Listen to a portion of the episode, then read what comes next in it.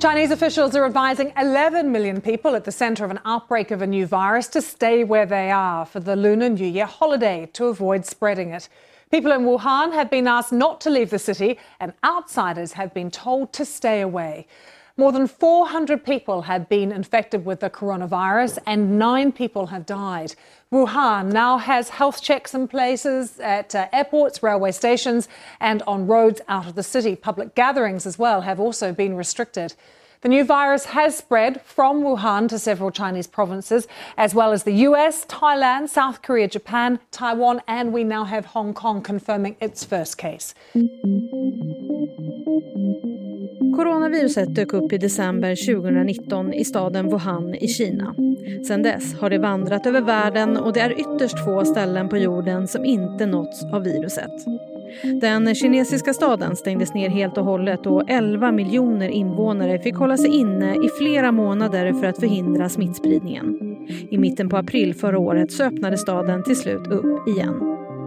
Trots att viruset tog sin början i Kina, ett land med 1,3 miljarder invånare, så är det ändå förvånansvärt få människor som dött i landet till följd av covid-19.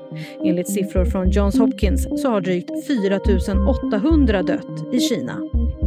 Hur är läget i Wuhan nu? Hur har det senaste året varit och hur ser man på pandemin i Kina?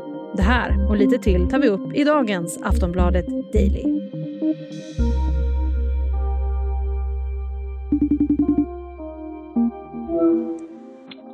Hallå?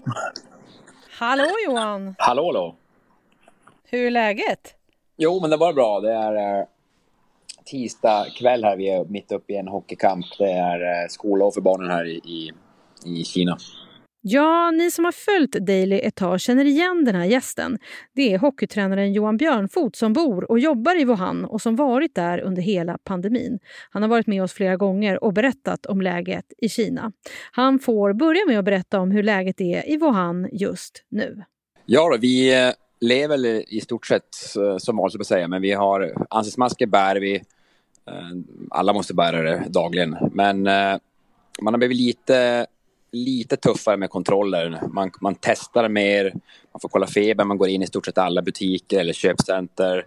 Eh, man får skanna sin kod, man ska in i stort sett överallt. Så att tidigare, om vi går tillbaka två, tre månader sen, så, så var det inga, nästan ingen kontroll överhuvudtaget. Så att man har börjat trappa upp här i Wuhan med tanke på att det har varit utbrott. Dels hur det ser ut i, i övriga världen, men också att det har varit utbrott i, i Peking och i städer utanför Peking. Och hur ser det ut liksom i resten av Kina då? Uh, det har kommit, senaste tiden sett, det var, det har kommit, det var sagt, det var i Peking, det var några, några få enstaka fall i Shanghai. Sen har man en lock, hade man en lockdown, eller har kanske fortfarande i, i en ungefär i samma storlek som, som Wuhan, en 10 miljoners stad, som, som man stängde ner då från all flygtrafik, tågtrafik och uh, så att uh, ja, det, det, är lite det är lite spänt. Man pratar mycket om det här nu, liksom att man, man, är, man, är, lite, man är lite orolig att det ska komma tillbaka hit till Wuhan. Det bor ju över en miljard människor i Kina. Det är ändå förvånansvärt få som har dött i landet av viruset. Eh, vad tror man att det beror på då? Uh, det man gjorde i man tittar, Wuhan där allting startade, där allting började, utbrottet var då, så ja, man var ju extremt när det väl började sprida sig, men det kom dyka upp dödsfall, så stängde man ner allt. Man, man satt ju hela staden i lockdown. Du, fick, du kunde inte gå utomhus. Alla, alla stort satt ju inne i sina lägenheter. Uh, och man byggde upp två nya sjukhus också på, på en 10-12 dagar som bara tar hand om coronapatienter. Så man, jag tror att man var, tack vare att man var väldigt snabba på, uh, på att stänga ner, gjorde det väldigt ordentligt, man kan säga. Så på det sättet så kunde, kunde inte viruset spridas, utan det som, det som fanns det var de som, de som var på sjukhus. Sen sakta men säkert fick man ner antalet till, till, ner till noll och sen, och sen kunde man öppna upp Wuhan. Då. Eh, Johan, vi har ju pratat med dig några gånger eh, under året här i Daily och vi pratade med dig efter lockdownen också. Men hur blev livet efter att lockdownen släppte? Direkt efter, jag kommer det var 14 april jag kom ut och direkt när man, de dagarna där, då var det fortfarande det var nästan ingenting som var öppet. Alltså man hade restauranger öppet, men, men du fick inte gå in där. Du fick beställa mat och hämta bara ute vid, vid entrén. Så att det var väldigt eh, strikt överallt. Och man, man uppmanades att inte gå och vistas utomhus i onödan och så vidare. Så att, Men sen efter ett tag, efter en, två månader, jag tror att någonstans i, man gjorde, vi gjorde en masstestning, alla i Wuhan testades i, i maj, juni och efter resultaten därifrån såg okej okay ut, så då började man öppna upp som vanligt. Så, säg från juli månad så har man levt precis som, som man gjorde innan, förutom att man, att man bara anses, har burit ansiktsmask hela tiden. Är det det som är den stora skillnaden jämfört med hur det var innan utbrottet? Ja, det ska jag väl säga. Från, från, från sommaren och fram till ja, november, december, så var det, det var den stora skillnaden. Sen är väl man mycket mer att det, det finns ju alltså handsprit överallt i, i ja, var man, var man tvättat händerna, exempel i köpcentrum, vid toalett. Så att man, handsprit ser man ju och det används överallt i restauranger. Det gjorde det inte förut. Då. Och sen är det ansiktsmasken. Det är de två grejerna som, som jag märker att det, det är en skillnad från eh, innan, innan utbrottet. Då. Eh, de som du träffar och pratar med och eh, lever med där, hur pratar man om eh, pandemin i Kina? Ja, nu på slutet, man, ja, man var ganska man var gladare och lättare och att gå tillbaka, tillbaka till ett normalt liv. Eh, men och man kände väl att ja, det, ska, det, det är väldigt liten chans att vi ska få tillbaka eftersom man har så pass hårda kontroller. Det är, det är väldigt svårt att åka in till Kina. Man sätts i karantän i 14 dagar. Och, måste uppvisa ganska många tester eh, negativt innan, innan du släpps in i, i och kan leva som, börja leva i Kina igen. Så att, men det, nu har man, när det här brittiska viset kom så då har man blivit orolig. Man, man har läst, man, man ser hur, hur att den är, eh, sprids lättare och det kommer ibland nyheter om att, att det, kanske, det kanske är en dödligare variant. Och så att, ja, men nu är man äh, spänd. Äh, så man, in, man är, innan var man ganska säker på att det kommer inte komma tillbaka men nu är man Eh, orolig. Man, man, eh, man, nu kinesiska nyår så är det många som väljer att stanna hemma. Man väljer att inte resa bara just för att, på grund av att man är rädd för att vi ska komma tillbaka. Nu är det ju så att eh, WHO har äntligen fått komma in i landet för att undersöka och vi har rapporterat om virusdetektiverna bland annat. Hur har eh, de tagits emot för att liksom undersöka hur viruset uppkom och sådär? Mm. Jag själv ingen, jag har inte läst någonting direkt som, som nyheter beskrivs men jag har pratat med eh, de jag känner, Wuhan-befolkningen, de är jättepositiva att det kommer folk hit. Alltså för man vill verkligen veta, man vill alltså lära, veta var, varifrån kom vi? var, alltså vilket djur kommer det ifrån och hur kan man på ett, på ett sätt då längre fram att undvika att sånt här, eh, ett nytt virus dyker upp och en, en, en, en ny pandemi skulle kunna komma till. Så att man, man är glad att man, man verkligen försöker gå i, till botten med och hitta ursprungskällan. Finns det någon eh, kritik eh, som, hos dem som du känner varför de inte har fått komma in tidigare? Uh, nej, vad jag, vad jag, det jag inte hört det. Det jag har förstått att vad, vad jag har läst nyheter här är att det var en eller två som, som var i det här teamet som, som hade, för de, givetvis skulle de också testas när de skulle komma in och om det var en eller två som hade, som hade covid-19 som inte kunde komma in då. Uh, men jag har inte läst eller hört något mer, mer kring det på det sättet. Nej, okay. Sen har vi också sett andra bilder på människor i vita overaller som går runt och sprutar medel lite här och där. Vad, vad handlar det om?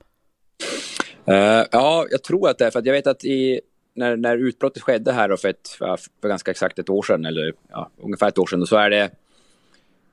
Då sprutar man desinfektionsmedel i områden där det kanske hade vistats människor, där man visste att här hade personer med viruset varit. Då, och då, då trodde man, jag vet inte hur det ser ut nu, men man, att det vis kunde ligga kvar på till exempel metallföremål upp till ja, ganska länge, upp till mer än, mer än tio dagar någonting. Och man var inte helt vetenskapligt hundraprocentigt att det var så, men för säkra för osäkra så väljer man, valde man då att eh, spruta desinfektionsmedel och jag tror att man, man gör det fortfarande bara för att man, ja, ifall att det skulle kunna komma, eh, att, att vi ska kunna, kunna överleva på, på, på vanliga ytor.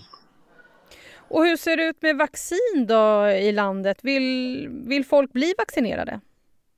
Ja, de jag pratar med säger att så fort det finns en möjlighet att vaccineras så, så vill man göra det. Så att det är, givetvis är det alltid, det finns alltid folk som är negativt insatta till vaccin. Det finns det väl i, över hela världen. Då. Men, men de jag pratar med känner att absolut, man vill, man vill tillbaka till en normal vardag så fort man vill kunna resa utanför Kina. Man vill att, att, att folk ska kunna resa hit så att, man vill, så att, så att världen ska kunna bli normal igen.